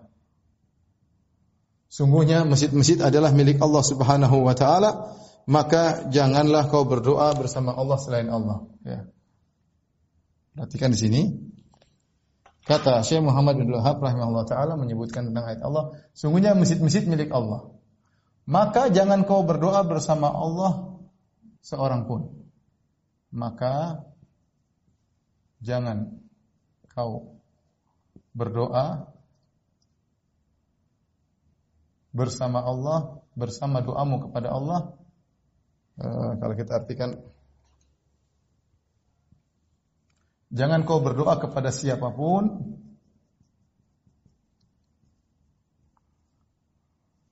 disertakan bersama doamu kepada Allah, disertakan bersama doamu kepada Allah. Saya ingin kawan-kawan sekalian fokus pada perkataan Allah Subhanahu wa taala ma'a di sini ma'a. Ma'a itu artinya bersama, ya. Bersama. Ma'a itu artinya bersama. Dan ini menjelaskan hakikat kesyirikan. Kenapa? Karena kesyirikan itu engkau berdoa kepada Allah dan juga berdoa kepada selain Allah. Engkau beribadah kepada Allah dan juga berdoa ke, beribadah kepada selain. Itulah syirik. Seandainya engkau tidak mengenal Allah, engkau hanya beribadah kepada selain Allah, secara bahasa itu bukan syirik. Syirik itu bahasa Indonesia apa? Mensekutukan. Artinya kau beribadah kepada Allah, juga kau mensekutukan Allah dengan yang lain. Kau beribadah juga dengan dia. Itulah syirik. Makanya Allah memtakbir dengan perkataan ma'a. Kenapa? Karena orang-orang musyrikin mereka juga berdoa kepada Allah. Tetapi selain mereka berdoa kepada Allah, mereka juga berdoa kepada selain Allah. Makanya Allah berfirman, "Wa idza rukibu fi fulki Allah mukhlishina lahuddin, falamma najam ilal idza musyrikun." Kalau mereka dalam kondisi genting di tengah lautan ombak besar, orang-orang musyrikin Arab, mereka ikhlas berdoa kepada Allah. Tetapi kalau mereka selamat, mereka kembali lagi berdoa kepada selain Allah. Abu Jahal ketika dalam perang Badar, apa dia mengatakan Allahumma ya ya ayuna aqta'u lirahim lirahim Wa ja'ana bima lam na'rif ahinhul ghadat. Kata Abu Jahal, "Ya Allah, siapa di antara aku aku atau Muhammad? Siapa di antara kita? Aku atau Muhammad yang lebih memutuskan silaturahmi maka binasakan dia dia hari ini." Abu Jahal juga berdoa. Dan banyak dalil-dalil bahwasanya mereka beribadah kepada Allah. Justru ketika mereka berdoa kepada Allah dan juga berdoa kepada Allah, itulah kesyirikan. Makanya kalau dia tegur seorang, "Ante kenapa berdoa minta-minta kepada penghuni kubur?" Loh, saya kan berdoa kepada Allah ini cuma sekedar wasilah. Bentuk engkau mengatakan ya ini berilah kepada aku. Itu doa dalam bahasa Arab namanya. Meminta. Wah wali fulan, wahai fulan, agisni tolonglah aku. Itu namanya doa dalam bahasa Arab. Tidak boleh kau lakukan kecuali hanya kepada Allah. Ya. Jadi itulah syirik berdoa kepada Allah, berdoa kepada selain Allah Subhanahu wa taala. Makanya kata Syekh Abdul Wahab, "Faman sarafa minha syai'an li ghairillah fahuwa musyrik kafir." Barang siapa yang memalingkan ya dari doa dia berdoa kepada selain Allah maka dia telah musyrik dan kafir. Maka dia telah musyrik dan kafir. Berarti dia terjerumus dalam kesyirikan. Wad dalil qauluhu ta'ala. Adapun dalil bahwasanya orang yang berdoa kepada selain Allah adalah kafir dan musyrik Allah berfirman dalam surat Al-Mu'minun wa may yad'u Allah ilahan akhar la burhana lahu bihi fa inna ma hisabuhu 'inda rabbih innahu la yuflihul kafirun perhatikan Surat Al-Mu'minun ayat 117. Kata Allah, "Mayyadi umma Allah ila akhar." Barang siapa yang berdoa bersama Allah. Lihat, kembali lagi Allah menggunakan metode bersama, kata bersama. Kata Allah, "Wa man yad'u ma'allahi ilahan akhar la burhana bihi." fa innama hisabuhu inda rabbih innahu la yuflihul kafirun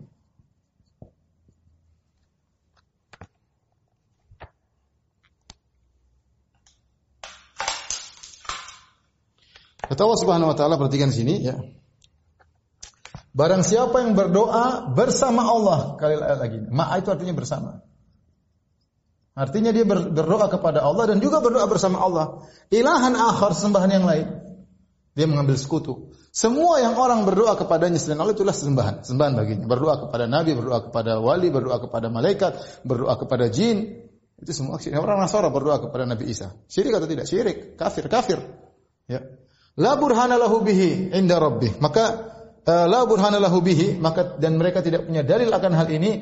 Fa inna ma hisabuhu inda rabbih sungguhnya hisabnya dikembalikan kepada Rabbnya. Innahu la yuflihul kafirun. Sungguh tidak beruntung orang yang kafir. Perhatikan. Allah memfonis orang yang berdoa kepada selain Allah termasuk orang-orang kafir. Dalilnya ada. Maka jangan main-main kita dalam masalah ibadah. Anda tahu ibadah itu hanya haknya Tuhan maka jangan serahkan kepada selain Allah. Apa hubungan kita hamba dengan Tuhan Hubungan hamba dengan Tuhan itu sang hamba beribadah kepada Tuhan. Bagaimana kemudian hamba beribadah kepada hamba yang lain? Beribadah kepada api, beribadah kepada matahari, sama-sama makhluk, sama-sama hamba. Beribadah kepada nabi, beribadah kepada wali kutub, beribadah kepada enggak. Kita beribadah hanya kepada Allah Subhanahu wa taala. Wa fil hadis kemudian beliau sebutkan lagi dalil yang lain. Ya. Kata Nabi sallallahu alaihi wasallam, ad-du'a mukhul ibadah. Ad-du'a'u mukhul ibadah. Doa itu intisari ibadah.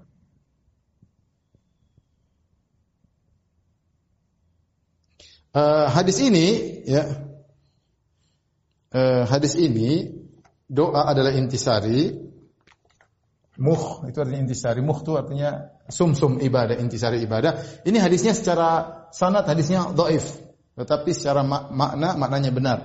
Karena memang doa adalah intisari dari ibadah. Ya. Dan juga datang dalam riwayat yang ad-du'a huwal ibadah. Doa adalah ibadah.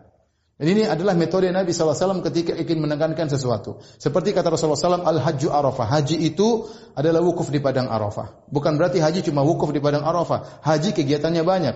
Haji ada tawaf, ada sa'i, ada mabit di Mina, ada lempar jamarat, ya banyak. Ada sembelih kambing, sembelih onta. Banyak kegiatan haji.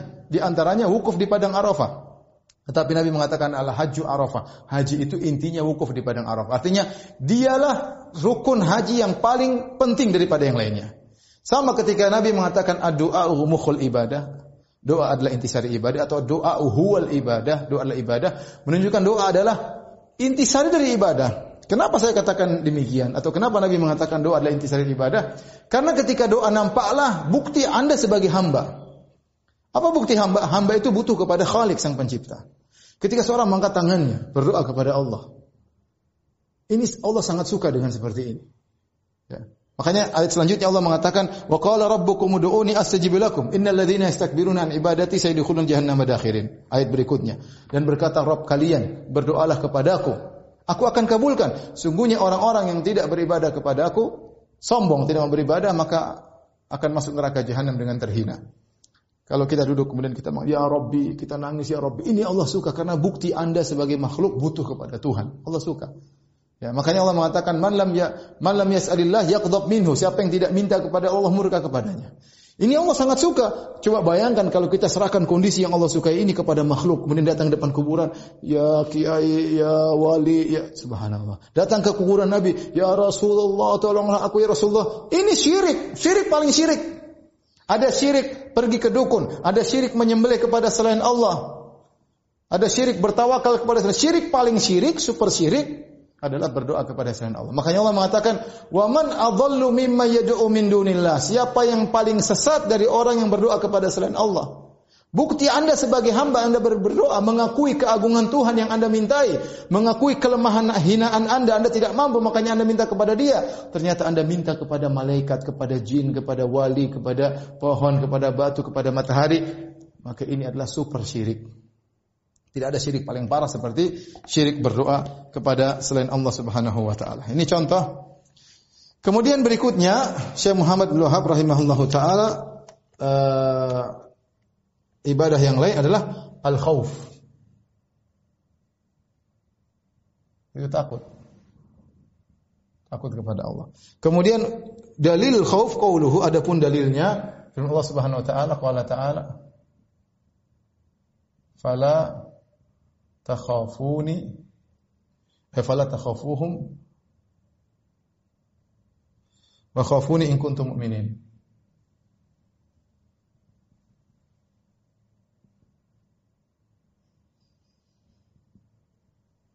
Kata Allah Subhanahu wa taala, ya. Jangan kalian takut kepada mereka, tapi takutlah kepadaku, ya. Wa khafuni in kuntum mu'minin jika kalian benar-benar beriman. Jika kalian benar-benar beriman, ya. Jadi kalau seorang takut kepada selain Allah maka dia terjerumus dalam kesyirikan. Maksudnya takut di sini apa? Takut yang ibadah. Takut ibadah adalah takut yang disertai pengagungan. Bukan sekedar takut saja. Makanya takut terbagi menjadi dua. Takut ada dua. Ada namanya al-khauf tabi'i. Takut tabiat. Kemudian namanya takut ibadah. Kalau ini yang itu disertai dengan pengagungan, disertai pengagungan,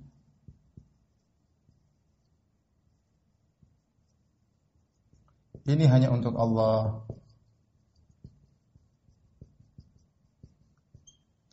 Adapun al-khauf tabi'i, takut tabiat ini e, boleh selama tidak melanggar syariat. Hukumnya boleh selama tidak melanggar syariat.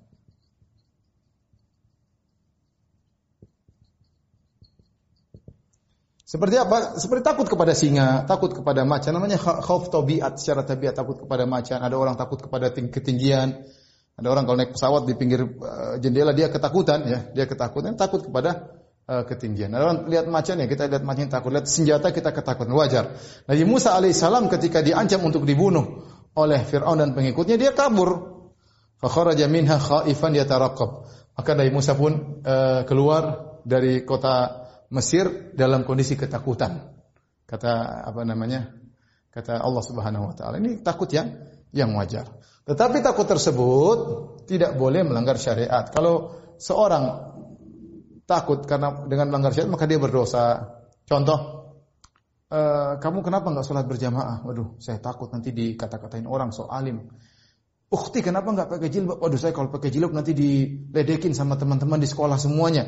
Saya nggak pakai jilbab. Ini takut, ini takut tapi membuat orang akhirnya bermaksiat. Ini tidak boleh, hukumnya haram. Tetapi takut ibadah, takut serta pengagungan, ini hanya untuk Allah. Contoh yang syirik, contoh takut syirik, para ulama menamakan dengan al-khawfus sir. Eh? Al-khawf as-sirri. Yaitu eh, takut ya eh, apa namanya?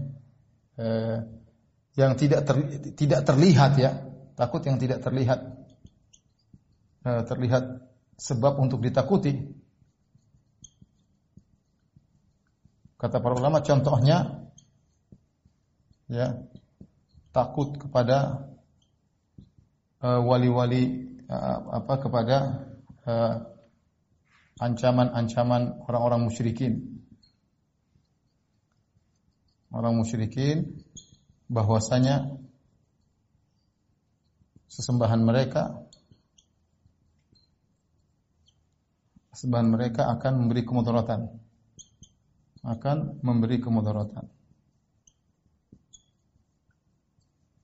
Seperti kisah Nabi Hud alaihissalam. Nabi Hud alaihissalam uh, ketika Nabi Hud alaihissalam ketika dia berdakwah maka kaumnya menakut-nakuti Nabi Hud yaitu kaum Ad mereka berkata, Inna kulu illa taraka ba'du alihatina bisu. Wahai Hud, kau doa-doa berdakwah terus, kau ngejek Tuhan-Tuhan kami. Ketahuilah Tuhan-Tuhan kami, sembahan-sembahan kami akan menimpakan kepada engkau penyakit, engkau akan gila atau yang lainnya.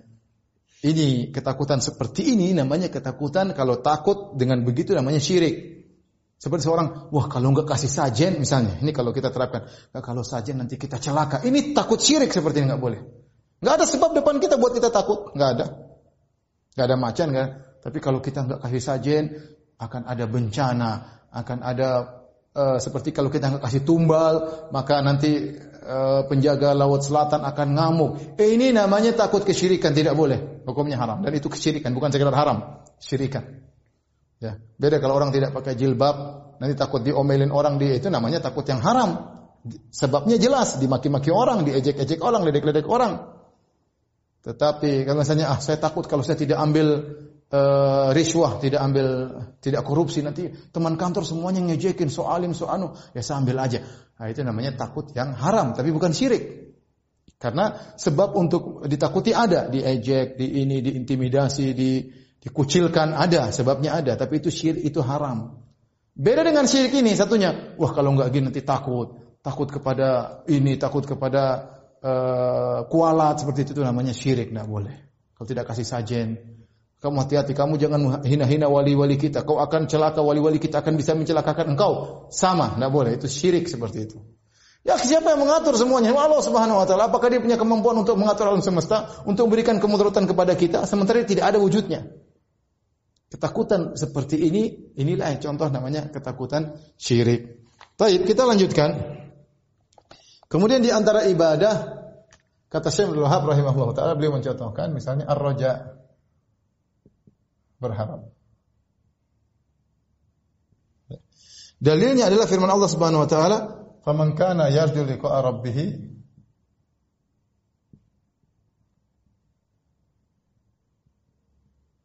falyamal amalan salihan."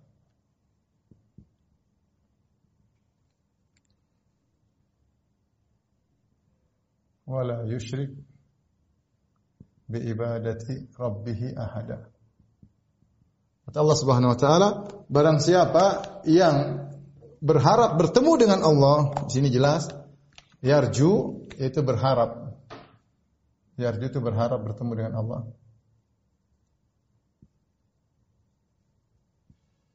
Itu berharap sebagian ulama mengatakan berharap melihat Allah. Karena melihat Allah di surga yaitu maksudnya masuk surga. Itu kenikmatan yang tertinggi.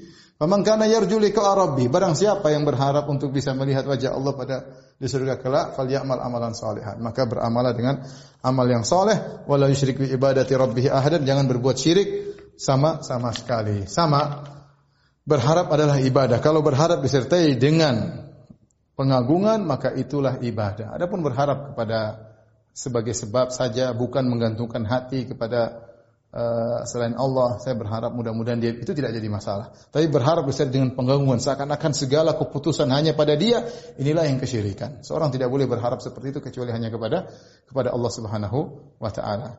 Oleh karenanya uh, Islam mengajarkan kepada kita kita berharap hanya kepada Allah. Adapun sebab-sebab uh, ini hanyalah sebab yang menentukan akibat hanyalah Allah Subhanahu wa taala. Maka harapanmu gantungkanlah kepada Allah Subhanahu wa taala ya.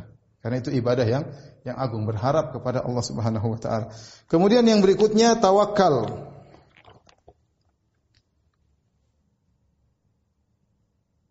Tawakul ya. Kalau bahasa Indonesia tawakal. Adapun dalilnya firman Allah Subhanahu wa taala, "Wa 'alallahi fatawakkalu in kuntum mu'minin." Hanya kepada Allah bertawakal, hanya kepada Allah bertawakallah. Jika kalian e, beriman. Demikian firman Allah Subhanahu wa taala, "Wa man yatawakkal 'ala Allah fa huwa hasbuh." Siapa yang bertawakal kepada Allah kepada Allah maka Allah cukup, maka cukup baginya, maka Allah cukup baginya.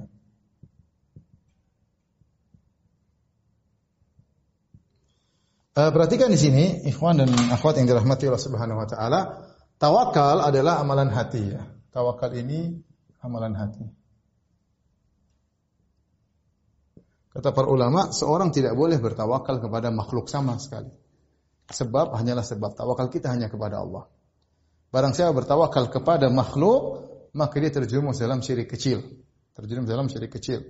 Kalau benar-benar dia bertawakal dengan sepenuh hati, maka dia terjerumus dalam syirik besar. Ya. Maka seorang tidak boleh bertawakal kecuali hanya kepada Allah. Tawakal adalah menyerahkan hati. Sementara penilaian Allah adalah hati seseorang. Bagaimana kita menyerahkan urusan kita kepada selain Allah? Bagaimana kita menyerahkan urusan kita kepada makhluk? Tidak boleh. Nabi SAW bertawakal dalam segala hal. Ya, keluar rumah bismillah tawakkaltu ala Allahi wa la haula wa la quwata illa billah. Keluar rumah bertawakal. Ya. Ketika minum, makan setelah selesai makan apa doa Nabi? Alhamdulillah at'amani hadza at'am wa razaqanihi min ghairi haulin minni wa la quwwah. Alhamdulillah segala puji bagi Allah yang telah memberikan aku makanan dan minuman ini tanpa ada daya dan upayaku. Benar-benar ini kita karena tawakal kepada Allah berikan kepada kita makanan. Ya. Kemudian juga bahkan Nabi eh, mau tidur. Nabi bertawakal. Subhanakallahumma rabbi bika wada'tu jambi wa bika arfa'uh. Ya Allah dengan engkau aku bisa meletakkan lambungku, dengan engkau aku bisa mengangkat lambungku. In amsakta nafsi faghfir. Kalau ternyata aku tidur kau pegang nyawaku, kau tidak kembalikan, maka ampunilah dia. Wa in arsaltaha kalau kau kembalikan lagi nyawaku fahfadha bima tahfadhu bihi ibadaka salihin maka jagalah nyawaku sebagaimana kau menjaga hamba-hambamu yang soleh. Demikian juga di antara doa tidur Nabi, doa yang paling terakhir diucapkan seorang ketika hendak tidur karena doa tidur banyak. Di antaranya dia berdoa, Allahumma inni aslamtu wajhi ilaik. Ya. Wa fawwadtu amri ilaik wa alja'tu dhahri ilaik. Ya Allah, aku serahkan wajahmu kepada Engkau. Aku serahkan wajahku kepada Engkau. Aku arahkan wajahku kepada Engkau. Aku serahkan fawatu amri ilaik, aku serahkan urusanku kepada engkau. Aku sandarkan pundakku atau punggungku kepada engkau. Ini kalimat tawakal. Makanya ikhwan, dalam segala hal kita bertawakal. Kita melakukan sebab kita kerja, tapi jangan tawakal kepada kerjaan kita. Jangan tawakal kepada bos kita. Jangan tawakal kepada asan kita. Kita bekerja dengan sebaik-baiknya. Kita melakukan sebab. Kita menservis orang yang memang butuh servisan kita. Tetapi ingat, tawakal kita kepada hati yang berizki Allah Subhanahu Wa Taala yang membuat bos baik sama kita Allah Subhanahu Wa Taala. Yang mudah kita kita bisa mengerjakan pekerjaan ini Allah Subhanahu Wa Taala. Fa'buduhu wa tawakkal alaih. Beribadahlah kepada Allah, bertawakal kepada Allah. Ini sangat penting ibadah yang sangat agung, bertawakal kepada Allah. Jangan bertawakal kepada penghuni kubur, jangan bertawakal kepada jin, apalagi bertawakal kepada dukun, ya. Kemudian ibadah yang lain yang disebut oleh Syekh Abdul juga ya.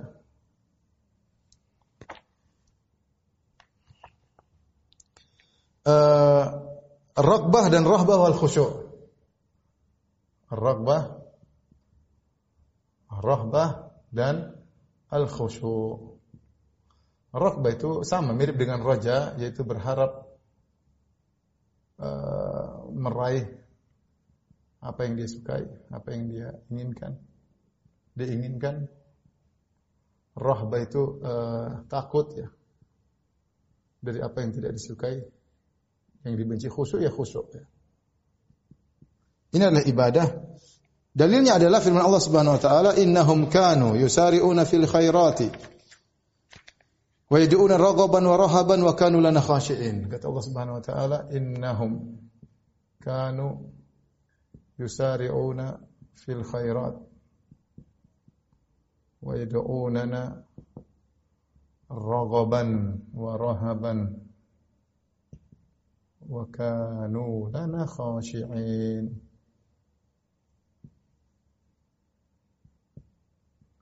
Kata Allah Subhanahu wa taala, sungguhnya mereka maksudnya para nabi yusari'una fil khairat, mereka bersegera dalam kebajikan-kebajikan. Wa yad'unana dan mereka berdoa kepada kami, berdoa kepada kami ragaban wa rahaban dalam kondisi berharap dan rasa takut. Wa kanu lana khashi'in dan mereka khusyuk kepada kami ketika mereka beribadah. Di sini disebutkan tiga ibadah sekaligus atau empat. Pertama doa, doa. Bagaimana kondisi mereka berdoa dengan rokbah, Rokbah dengan berharap. Kemudian rahbah dengan takut. Wa kanu lana dan khusyuk. Ini satu, dua, tiga dalam satu ayat di mana Allah menyebutkan para nabi, ini para nabi Allah menyebut para nabi. Mereka saja ketika berdoa seperti ini para nabi. Ya, maka bagaimana kemudian seorang bertawakal kepada nabi, berdoa kepada nabi, nabi saja mereka berdoa kepada Allah Subhanahu wa taala. Kemudian yang berikutnya uh, dalil khasyah ya. Saya tulis saja. Kita bacakan ada al khasyah.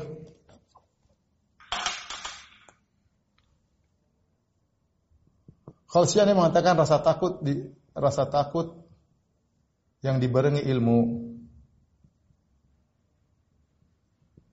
Ilmu tentang yang ditakuti.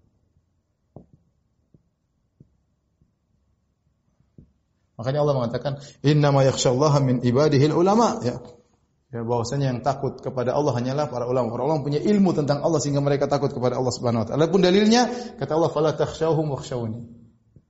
Fala takhshawhum wakhshawni. Wakhshawni. Jangan takut kepada mereka, tapi takutlah kepada aku. Kemudian ini mirip dengan khauf ya, tetapi khosyah mungkin memiliki makna yang lebih spesifik. Kemudian contohnya lagi al-inabah, kembali kepada Allah. Al-inabah, kembali kepada Allah. Dalam surat Az-Zumar kata Allah Subhanahu wa taala, "Wa anibu ila rabbikum." Wa aslimulah dan seterusnya. Kembalilah kalian kepada Allah Subhanahu wa taala. Kemudian ibadah yang berikutnya ya kita taruh di sini misalnya al istighosah. Al istighosah. Istighosah itu berdoa dalam kondisi genting. Atau iya minta tolong atau berdoa dalam kondisi genting.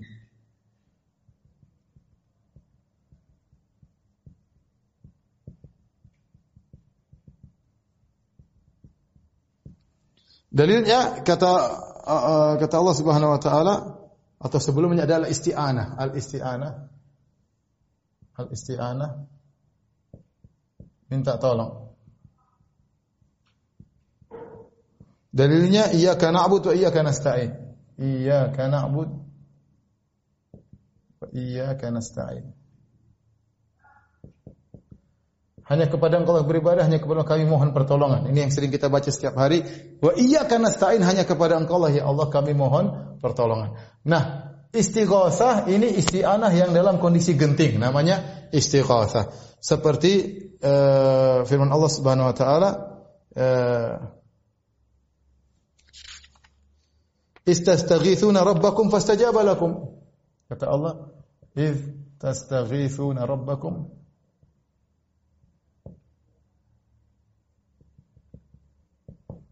Ketika engkau beristighatsah itu kapan? Ketika Nabi Shallallahu Alaihi Wasallam dalam kondisi perang Badar 350 lawan 1000 orang maka Nabi berdoa mengangkat tangan. Doanya Nabi sambil mengangkat tangan sampai selendangnya jatuh. Sambil Nabi berdoa ya Allah anjis wa'dak ya Allah penuhilah janjimu. Nabi berdoa berdoa sampai selendangnya jatuh. Dalam kondisi sangat penting disebut dengan istighatsah. Istighatsah. Dan ini berbahaya banyak orang yang syirik dalam hal ini. Bahkan dalam diajarkan oleh sebagian ulama-ulama yang atau dai-dai yang menyuruh kepada kesyirikan kata mereka dalam kondisi genting beristighatsah kalian kepada wali-wali Allah.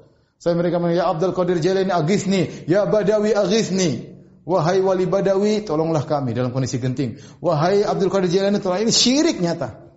Bahkan saya pernah dapat buku isinya istighatsah kepada wali-wali. Ya gimana? Para nabi saja Nabi Muhammad sallallahu alaihi wasallam saja tidak bisa menolong dirinya dia beristighatsah kepada Allah. Kenapa ente istighatsah kepada nabi?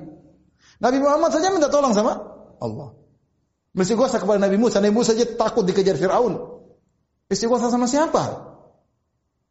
Pada wali-wali yang sudah meninggal, apa mereka mendengar perkataanmu?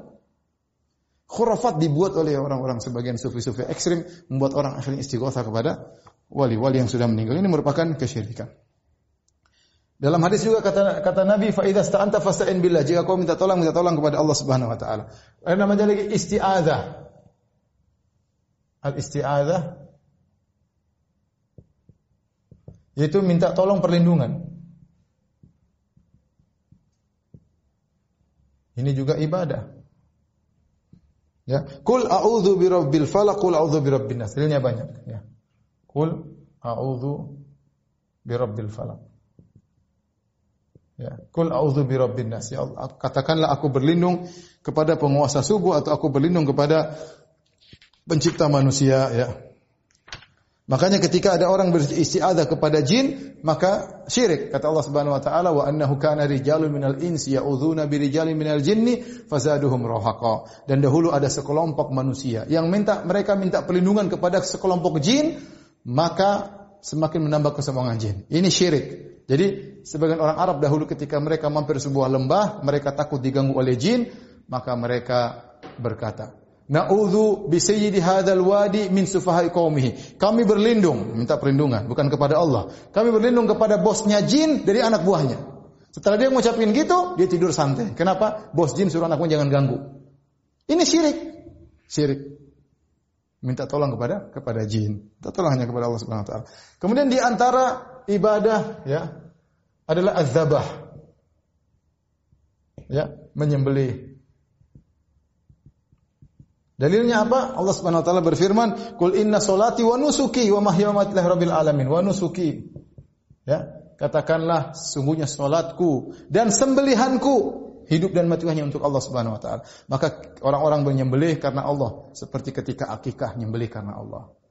Ketika ketika hajian menyembelih apa namanya eh, hewan-hewan di Mekah, di Mina, ya disebut dengan hadiu karena Allah. Ketika di tanah air berkorban adahi udhiyah karena Allah Subhanahu wa taala. Itu ibadah yang agung. Datang orang-orang yang beli untuk jin, untuk nyiroro kidul, untuk jin bangun rumah, takut sama jin yang beli syirik. Pergi ke dukun, kata dukun kalau mau sembuh cari ayam hitam tiga ekor, potong alirkan darahnya, syirik menyembelih bukan kepada selain Allah Subhanahu wa taala. Maka Nabi SAW mengatakan Allah man dzabah li. Allah melaknat orang yang menyembelih kepada selain Allah Subhanahu wa taala. Kemudian juga di antaranya nazar. Nazar. Nazar itu apa? Nazar adalah bersumpah atas nama Allah untuk melakukan sesuatu misalnya kita demi Allah aku nazar itu bersumpah. Makanya kafarah nazar kalau tidak dikerjakan sama dengan kafarah sumpah. Nazar adalah sumpah. Dengan nama Allah ya Allah aku berjanji kepada engkau aku jika begini akan begini. Kalau aku lulus aku akan traktir teman-teman sekelas makan bakso misalnya. Ya Allah kalau aku dapat rezeki aku akan menghajikan ibu dan bapakku ya Allah kalau ini aku ini namanya nazar. Ini hanya untuk Allah tidak boleh bernazar kepada wali-wali. Sebagian orang dan saya pernah diceritain datang di Indonesia dia datang kepada uh, kuburan Sunan tertentu. Dia mengatakan dia nazar, saya nazar kepada engkau Mbah Sunan. Kalau saya lulus saya akan berjalan sekian kilo. Kalau saya lulus ujian saya akan berjalan sekian sekian kilo atau dari kota ini ke kota lain. Dia bernazar. Bukan untuk Allah, kepada ya kepada Sunan tersebut. Saya tanya kepada antum sekalian.